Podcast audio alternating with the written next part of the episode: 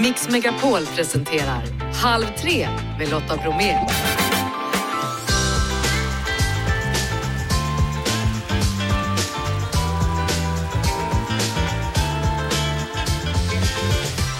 Hallå där och varmt välkommen in i Halv tre-studion här på Mix Megapol. I dagens onsdagsmix, May Müller, Englands bidrag i Eurovision, hon är på besök. Idag kom också domen i Tove-fallet, de båda unga kvinnorna döms till livstidsfängelse.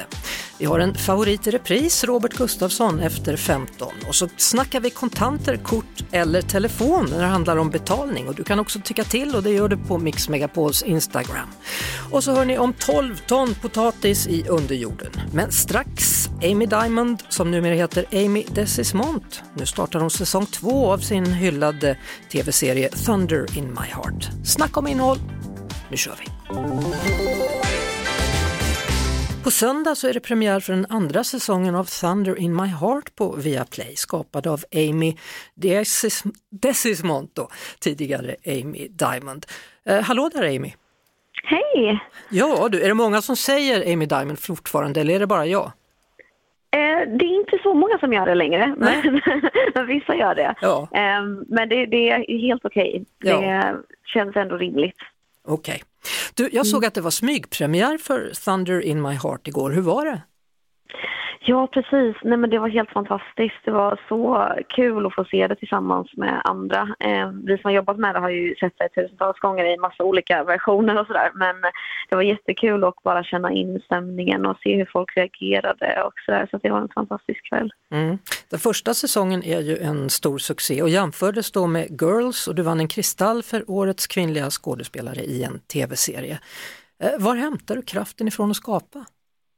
Eh, åh, eh, oh, vilken, vilken bra fråga. Eh, nej, men jag tror att jag kan lätt bli liksom jag kan lätt bli lite besatt av vissa idéer som jag får eh, och det blir verkligen en, en drivkraft eh, speciellt när det är lite svårt att jag, att jag ger sällan upp då. Eh, så att, eh, nej men för, för, min del så är det nog att jag bara eh, har tyckt så himla mycket om att vara med de här karaktärerna så att jag, det har varit lite som mina så extra vänner. Mm. så att man är så, åh, man kan styra vad som ska hända dem. Så att, eh, sen har det ju kommit såklart jättemycket kraft ur att få liksom, ta del av hur folk har tagit emot serien och mm. vad som har betytt något för dem och sådär. Har, har du lagt ner musiken helt nu? Eh, ja, men det skulle jag... Ja, nej, men inte Alltså musik finns ju verkligen med i mitt liv jättemycket. Jag lyssnar på hur mycket musik som helst och sjunger en del fortfarande, men inte liksom som jobb längre. Eh, men kanske att, eh, att det blir så någon gång igen. Men just nu så är det fullt fokus på film och eh, skrivande och sådär. Mm. Eh, vad kan du berätta om den nya säsongen? Ja, men den nya säsongen utspelar sig um, ett år efter förra säsongen tog slut. Så att um, vi kommer rakt in i hur deras liv ser ut nu um, med vissa förändringar hos uh, de olika karaktärerna. Vi breddar perspektiven också den här säsongen så man får lära känna Sigges vänner, Sam och Antonia ännu närmre. så man kan väl säga att det som karaktärerna är med om den här säsongen är nog eh, om, om, eh, om något nästan ännu lite svårare än sist. Men finns också fortfarande liksom humorn och absurditeten och, och hoppet på något sätt i, mm. i berättelsen fortfarande. Har du vant dig vid att regissera dig själv? Eh, ja, jag har ju fått eh, liksom, prova på det ordentligt den här säsongen. Eh, jag regisserade ett avsnitt helt själv. Förra säsongen så delregisserade jag eh, två avsnitt. Men det, det är väldigt speciellt att regissera sig själv. Det blir ett helt annat typ av arbetssätt eh, och eh, ja, man får ju liksom säga åt säga åt sig själv lite vad man ska justera och göra mm. annorlunda samtidigt som man har koll på de andra. Så att, eh, ja, det var verkligen en utmaning att kasta sig in i, i det um, som första gångs regissör liksom på egen hand. Men det var väldigt kul också. Um, mm. Ja, söndag då är det alltså premiär och jag antar att det fortfarande är pirr i magen och åska i hjärtat då? Ja, det Thunder in my heart kör igång igen på Viaplay. Eh, stort tack för att du var med och berättade om serien Amy. Tack så mycket. Ha Hej. fint. Detsamma. Hej. Halv tre med Lotta Bromé på Mix Megapol. Vi närmar oss ju eh, Eurovision då i maj månad och häromdagen så var May Müller här men hon hade mycket, mycket mer att säga än vad ni fick höra då så därför säger jag än en gång välkommen. Thank you so much. I'm happy to be here. Maj Miller är alltså glad att hon är i Sverige och det är hon som kommer att representera England då när det är dags för Eurovision i Liverpool. Något som hon ser som en stor ära. Yes, it definitely is. You know, being from London is such an important part of who I am. and it comes out in my music. So to be able to represent where I'm from, it's a huge, huge honor. Mm, hon tycker det är extra speciellt att företräda England då det här året. Till skillnad från i Sverige då så har man inte massa delfinaler utan man utnämns helt plötsligt. Då har man bestämt att den här personen ska vara Englands bidrag i år. We just have the one.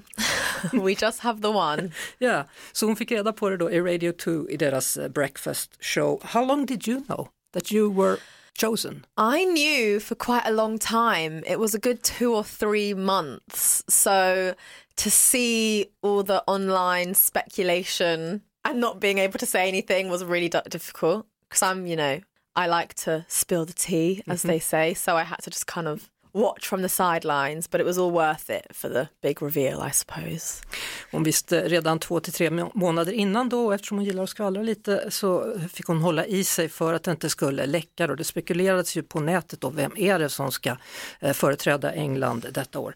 Förra året så var det ju Sam Ryder, Spaceman, han kom ju högt upp bland bidragen och det känns lite grann som att England har skärpt till sig med sina bidrag och tar tävlingen lite mer på allvar.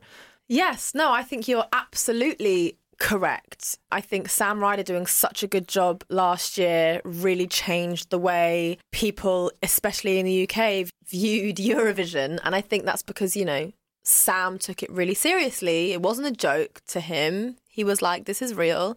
His song was amazing. And I feel like it just paved the way for someone like me to come and, and do it and there's so much talent in the UK so I feel like it's about time, you know. Mm. Hon tycker att det är dags att man börjar ta den här tävlingen på lite större allvar då i Storbritannien eller England då. Och det är bra det säger hon eftersom man där har en stor och stark musikkultur. I den svenska melodifestivalen där är det ofta så att det kommer nya artister som får en break men hon har ju faktiskt redan haft sitt break, hon är ju redan en etablerad artist. Yeah, I mean, I've been putting the the work in for the past five years, and I've had some amazing experiences. I've toured a lot, I've performed a lot, but I feel like this, you know, Eurovision just feels like one in a million experience. And I feel like it's allowed me to connect with so many more people and hopefully people that will stay with me past Eurovision and we can carry on this journey together, you know? Hon har ju en femårig karriär då, hon har slagit igenom stort både i Kanada och i USA, varit med på Jimmy Fallons show till exempel och flera andra tv-shower. Men hon känner att det här är ännu större, för det är ju så att eh, Melodifestivalen, eller Eurovision då, är det största tv-eventet överallt. Hon hoppas ju på att hon ska nå en än större publik nu då och att de ska finnas med henne efteråt. Du lyssnar på Mix Megapol och vi är alldeles strax tillbaka då med mer av Englands bidrag, May Miller. Och då berättar hon om sin kärlek till Loreen.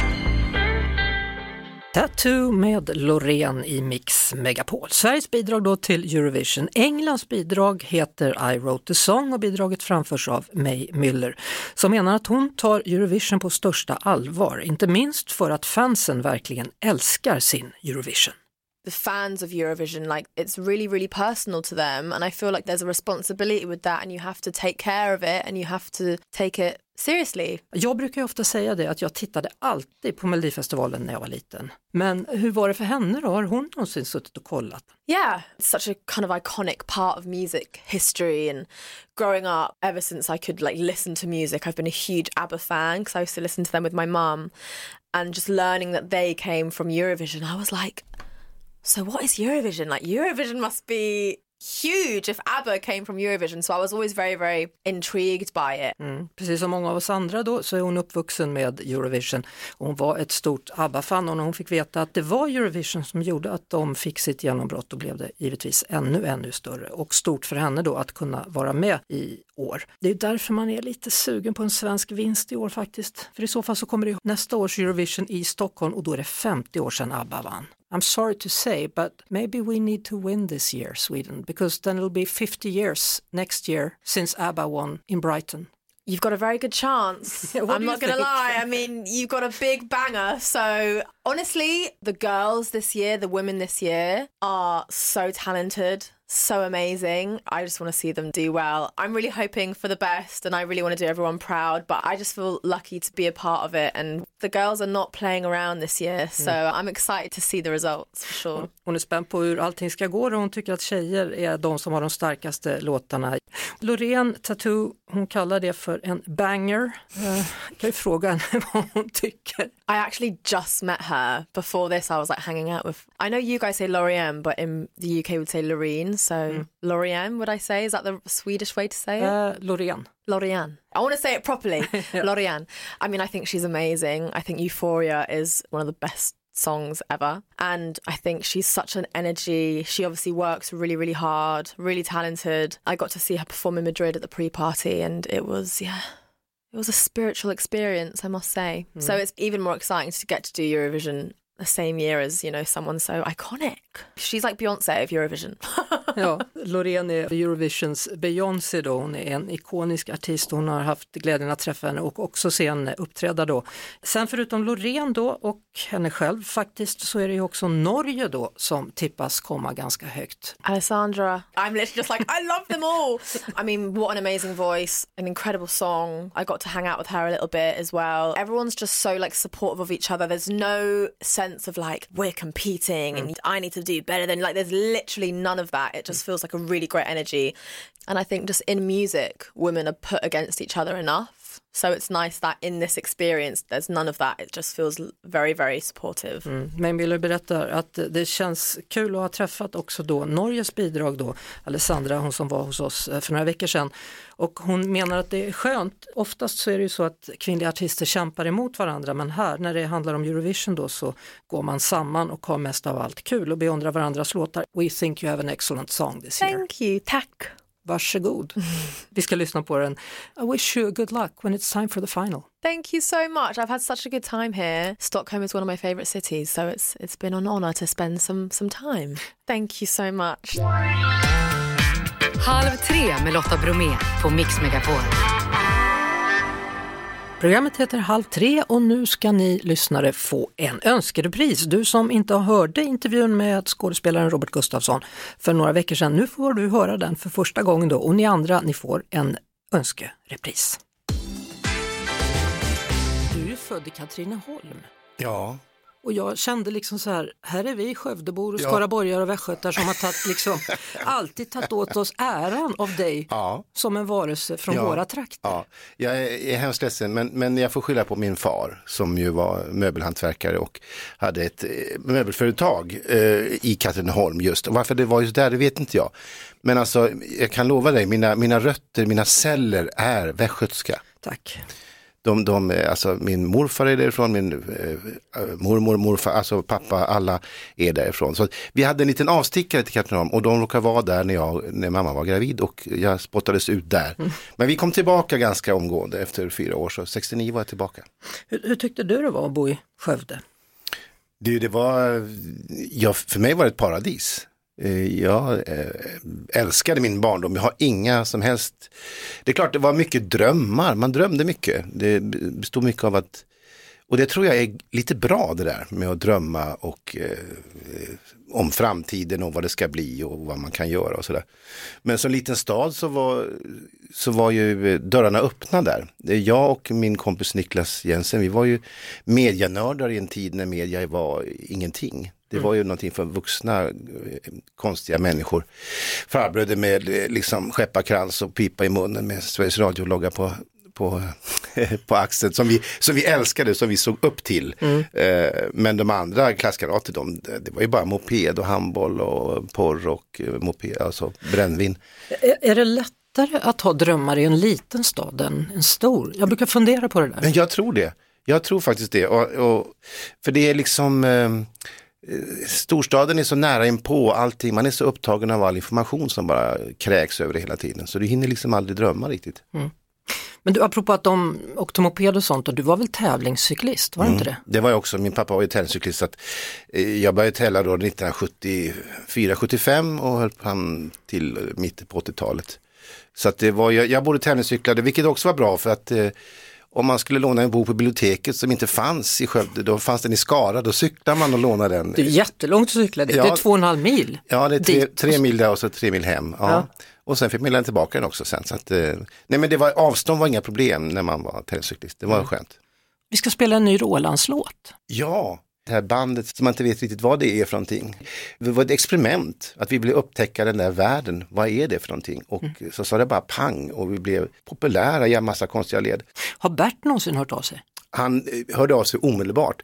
Vi ska göra en skiva och vi ska ut på turné nu. Ja. Sen så blev jag över till att vara med i Melodifestivalen och sen så fick vi dessutom barn som publik. Bredare än så kan man ju inte bli. Men Roland är från Torsk på Tallinn. En eh, film av Killinggänget som heter ja. Torsk på Tallinn och han är då från Karlskoga. Och är en väldigt eh, tragikomisk figur som är väldigt eh, ensam och eh, nästan irriterande eh, försiktig av sig. Det är en sån person som man vill skrika åt, men köp ett par jeans, ge det ut i världen, ta för dig. Fast man älskar ju honom också, att han är så tafatt. Eller? Tafatt, ja precis. Ja, försiktig och tafatt. Ja, det är något fint. Sådana människor är ju, är ju naturligtvis, eh, man skulle vilja att de eh, ja, tog för sig lite mer, för att de har ju rätt att göra det. Du har aldrig varit så?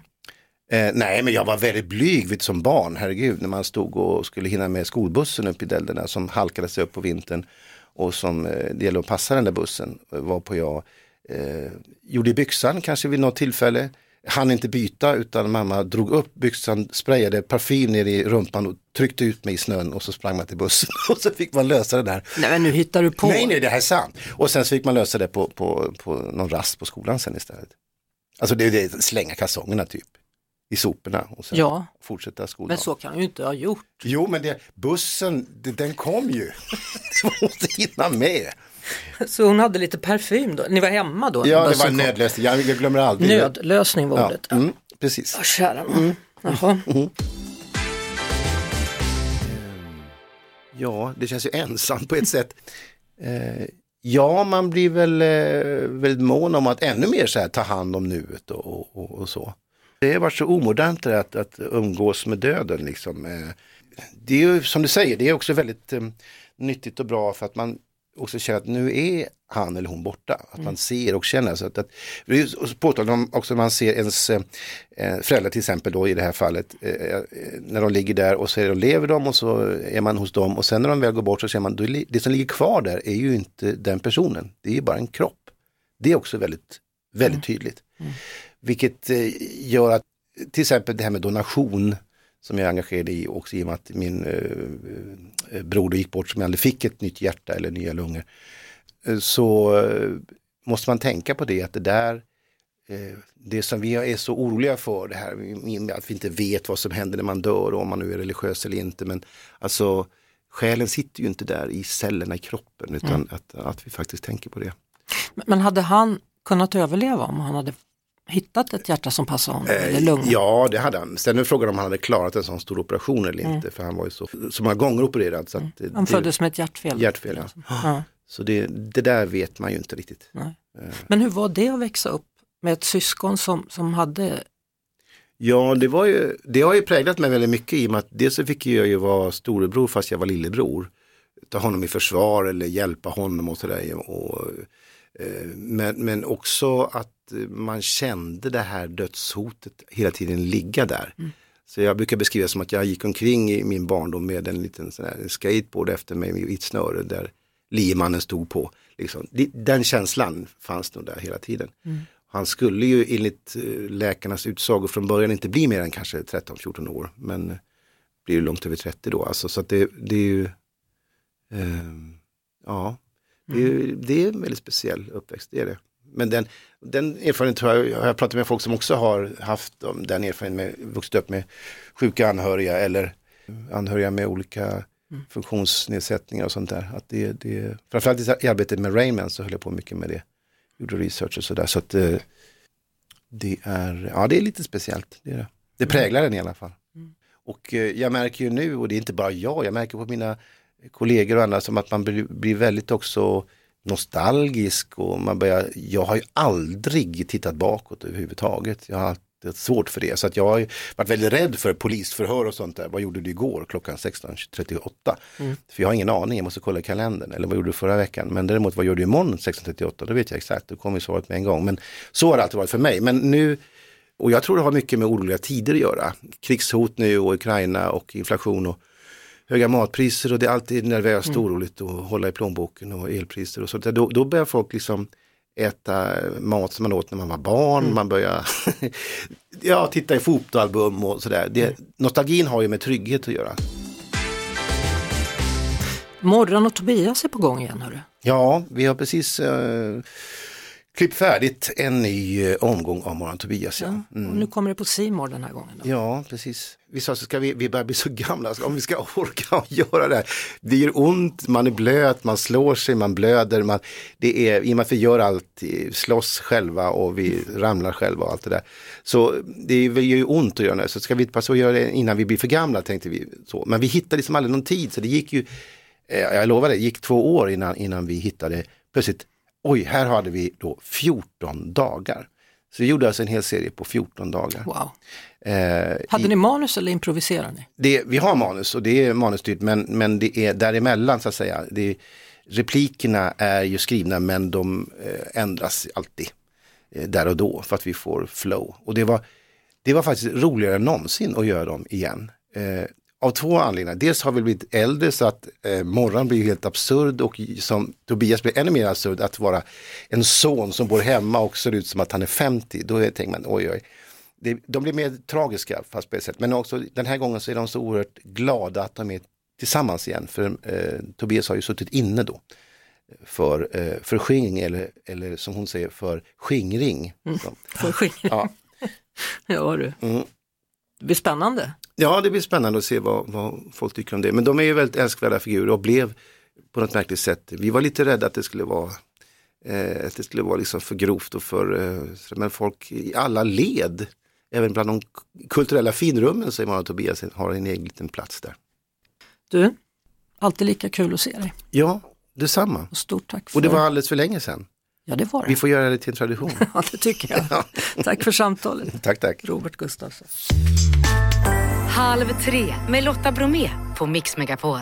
I gårdagens Halv tre då hade vi tekniktips för det har vi ju på tisdagar och då berättade Martin Appel om att kort och eh, ja, kontanter det är ju redan borta, men kort kan också de vara på väg ut då. Istället så använder man sig av mobilen eller sin smartklocka. Vi har kollat lite grann på Mix Megapols Instagram. Vad använder man? Kort 76 procent, smart klocka 1 procent, kontanter 9 procent och mobilen använder 14 procent. Så att eh, frågan är, det finns en fråga till ute. Det handlar om om det är bra att kontanter försvinner eller ej. Så här snackade jag och Martin om det. Jag tycker när vi pratar om sådana här saker att det blir bekvämt på väldigt många sätt. Men jag känner också att det blir fler och fler människor som liksom hamnar i bakvattnet som kanske inte alls är lika pigga på att ta åt sig den här nya tekniken och kanske inte ens har en aning om vad vi pratar om. Absolut, och det där är ju ett jättestort problem, den digitala delaktigheten. Och just det här att kontanterna försvinner blir ju ett jättestort problem både för vissa äldre personer, vissa personer med eh, funktionsnedsättningar, vissa folk som kommer från andra länder. Så kontantproblemet är ju någonting som det diskuteras mycket och som ju är ett jättestort problem. Mm, mm. då har vi kollat då hur det är med dig, du som lyssnar. Är det bra att kontanter försvinner eller ej? Ja, tycker 18 procent. Nej, menar 82 procent. Och vad gäller teknik då, Martin Appel är tillbaka nästa tisdag med ett nytt tekniktips och då ska vi tipsa lite om hur man kan lära sig mer om internet. Halv tre med Lotta Bromé på Mix Megapol.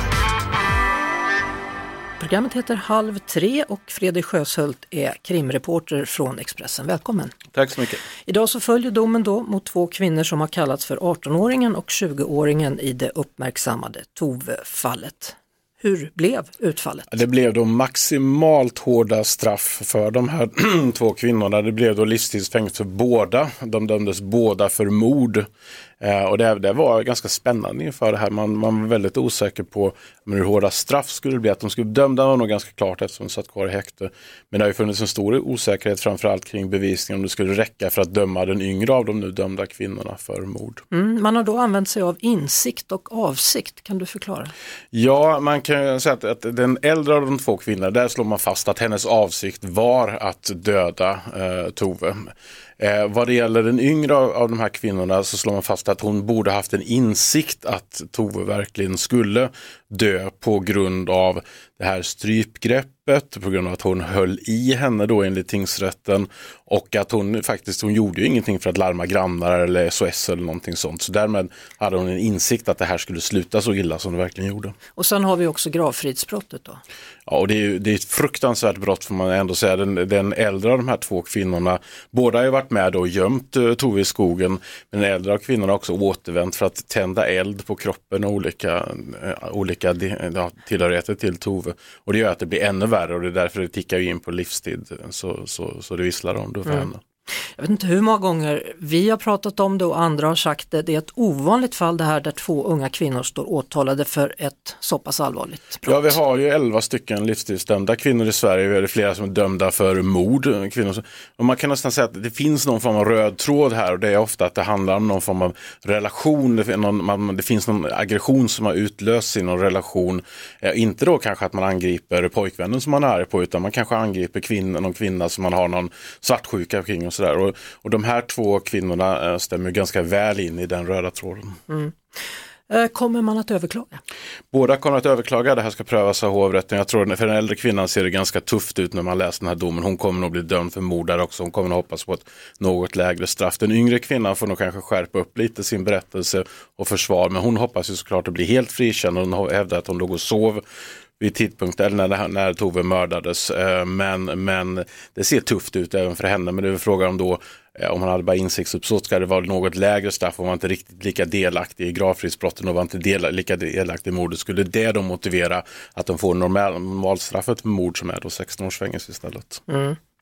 Vetlanda, det är en liten stad, det har påverkat den Ja, det, det har hänt. Menar, det finns på det småländska höglandet finns det många ganska brutala mord och bara för, det var inte så länge sedan det var en man som dömdes för att ha eh, knivhuggit flera personer, gått runt in i centrum och knivhuggit. Det var bara Guds försyn att det inte slutade med att någon faktiskt blev mördad där. Så det har varit många mörka brott i, i Vetlanda och kring det småländska höglandet. Tack så mycket Fredrik Sjöshult, krimreporter från Expressen. Ja, Podplay. Så heter kanalen där det finns en massa bra poddar att lyssna på och eh, jag nämnde ju tidigare att eh, dagens önskerepris med Robert Gustafsson den finns ju i en längre variant och det är där du kan hitta den på podplay.se. Vem snackar med Lotta? Varje onsdag så kommer ett nytt avsnitt och denna vecka så handlar det om barncancer.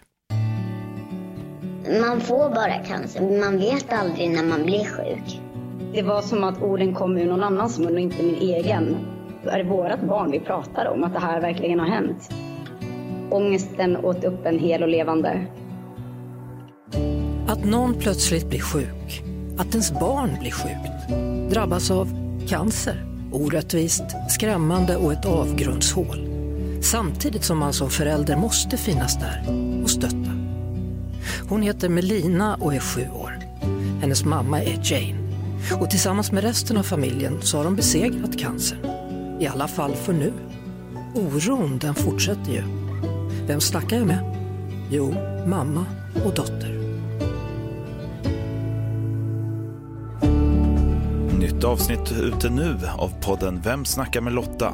Finns på podplay.se eller i podplayappen. Arne Linding han har sedan pandemin odlat stora mängder potatis, flera ton till och med. Och den här potatisen har sedan grävts ner på en hemlig plats för att inte röja det gigantiska lagret. Välkommen till Halv tre med Lotta Bromé, Arne.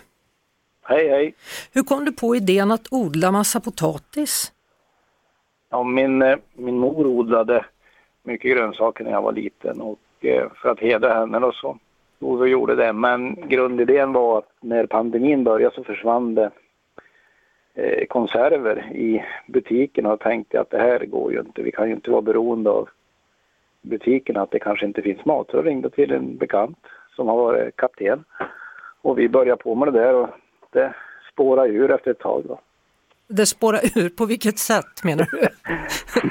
Ja, vi, vi, vi bröt ju upp den mark som min mor hade använt och så satte vi potatis i det där och det såg väl rätt så bra ut från början men vi började inse att den gav 20 gånger så då kom vi på att det skulle inte få plats i jordkällaren som vi har. Så då var vi tvungna att börja fundera i andra banor. Ja, och numera så förvaras alltså potatisen i två containrar som kan förvara 6 ton var. Ja, det, vi fick ju tre ton på det första landet och vi fick väl en sex ton på det andra landet. Sen gav vi bort en massa potatis också. Och då var vi ju tvungna att titta hur, hur löser vi lagringsfrågan och då kom jag ju på att en, en container som är nedgrävd är ju egentligen som en jordkällare, bara att det är en riktig dörr på den. Och hur ska man veta var den här skatten gömmer sig då? Det ska man inte veta. Nej. Va- va- Varför håller ni det hemligt? Ja, men det var ju bara så att vi började lite rätt sådär, så tänkte vi, ja men är det ingen som vet om det hittills, så då kan vi fortsätta ha det hemligt. Jaha. Det var ju det var ju många som tyckte det var lite konstigt i början att börja odla potatis när det inte behövdes och framförallt inte lagra dem i en plåtburk under jord. Så då lät vi det vara. Vi provade på så nu har vi kört i tre år och nu vet vi att det fungerar. Mm. Så det är en rolig grej. Men hur kan du hålla dem färska då? Liksom? Eh, när vi lägger in dem i augusti ungefär, då sänker vi temperaturen genom att mellan 10 på kvällen och 10 på dagen köra en sån här vanlig toalettfläkt, en paxfläkt som drar in kall luft. Och då sänker vi successivt ner till 3,5-4 grader. Sen så är ju jorden och marken är ju som ett, ett energibatteri, så den håller den temperaturen hela vintern. Mhm. Sen har vi en eh, mellanvägg innanför dörren. Det är ju en ren eh, vetenskap det här. Ja, vi, min kollega, han har läst väldigt mycket. Ja, vi brukar säga att jag gasar och han bromsar, så att det har blivit jättebra resultat till slut. Ja, nu ligger det i alla fall några ton potatis då nergrävda på hemlig plats. Ja, vi har väl en, kan det vara en 3-4 ton nu. Ja. Och en del av det ska vi ha som utsäde till det här året. Så vi kommer att sätta i början av juli som vi brukar. Sen ska vi prova att sätta i slutet av juli Mm. eftersom höstarna har blivit varmare och längre. Så om ryssen kommer då finns det i alla fall potatis. Ja, det, det, har faktiskt blivit mer intresse efter vi började med det här. Så det är två stycken odlare till som ska göra motsvarande förråd. Så att det här tror vi kan bli ganska bra. Mm. Spännande, tack för att du ville berätta Arne Linding. Tack så mycket. Hej. Hej då! Det är slut för idag vad gäller Halv tre. Jeanette, Janne, Albin och Lotta sä- säger tack och hej och Jeff Neumann är vår producent. Men lämna nu inte kanalen för efter halv fem, då kommer topp 10. Det var ju nyligen som vi hade topp 1000-listan här på Mix Megapol efter 16.30. Då får ni de 10 främsta låtarna. Imorgon så kommer Maria Lundqvist. Vi hörs igen då. Tills dess, ha det bra. Ett poddtips från Podplay. I podden Något Kaiko garanterar östgötarna Brutti och jag, Davva, dig en stor dos skratt. Där följer jag pladask för köttätandet igen. Man är lite som en jävla vampyr. Man har fått lite blodsmak och då måste man ha mer. Udda spaningar, fängslande anekdoter och en och annan arg rant. Jag måste ha mitt kaffe på morgonen för annars är jag ingen trevlig människa. Då är du ingen trevlig människa, punkt. Något kajko, hör du på Podplay. Därför är gardinerna.